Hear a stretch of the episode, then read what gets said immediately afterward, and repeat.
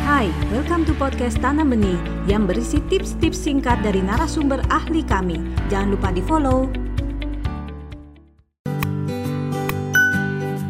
Nah, value keluarga ini uh, asalnya dari mana sih? Bagaimana cara kita menetapkan value keluarga kita?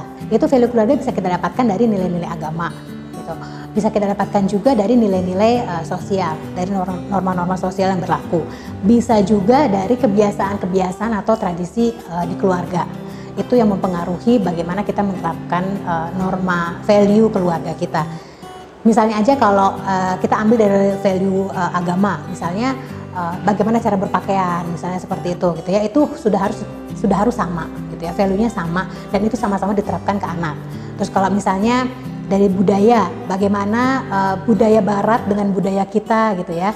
Apa yang menjadi value keluarga kita? Misalnya kalau di budaya barat itu nggak apa-apa kalau misalnya pergi bareng-bareng sama teman-teman udah mas dari SD, dari SMP gitu ya, tanpa pengawasan orang tua. Nah kalau kita mungkin kayaknya masih belum deh. Yang penting ada orang tua yang ikut gitu supaya eh, perilaku anak tetap terkontrol. Nah itu yang kita masukkan ke value keluarga kita. Jadi misalnya kalau sampai batasan kuliah, kalau misalnya mau pergi, mau nginep sama teman-teman, itu masih harus ada orang tua yang mengawasi misalnya. Itu yang kita jadikan value keluarga kita dan mungkin sekali berbeda dengan uh, value keluarga orang lain. Ini juga yang pentingnya value keluarga ini ditetapkan supaya kita juga bisa menjelaskan kepada anak pada saat anak menanya misalnya seperti ini, kenapa aku nggak boleh, kenapa anak lain boleh?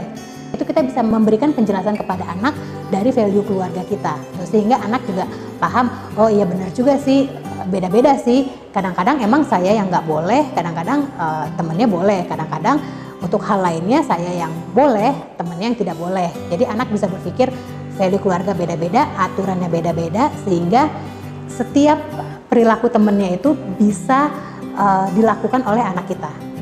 Jadi anak tahu kalau apa yang dilakukan oleh temennya itu belum tentu dia boleh melakukannya. Anda baru saja mendengarkan tips dari Tanam Benih Foundation. Mari bersama-sama kita terus belajar untuk menjadi orang tua yang lebih baik demi generasi yang lebih baik. Jangan lupa follow podcast kami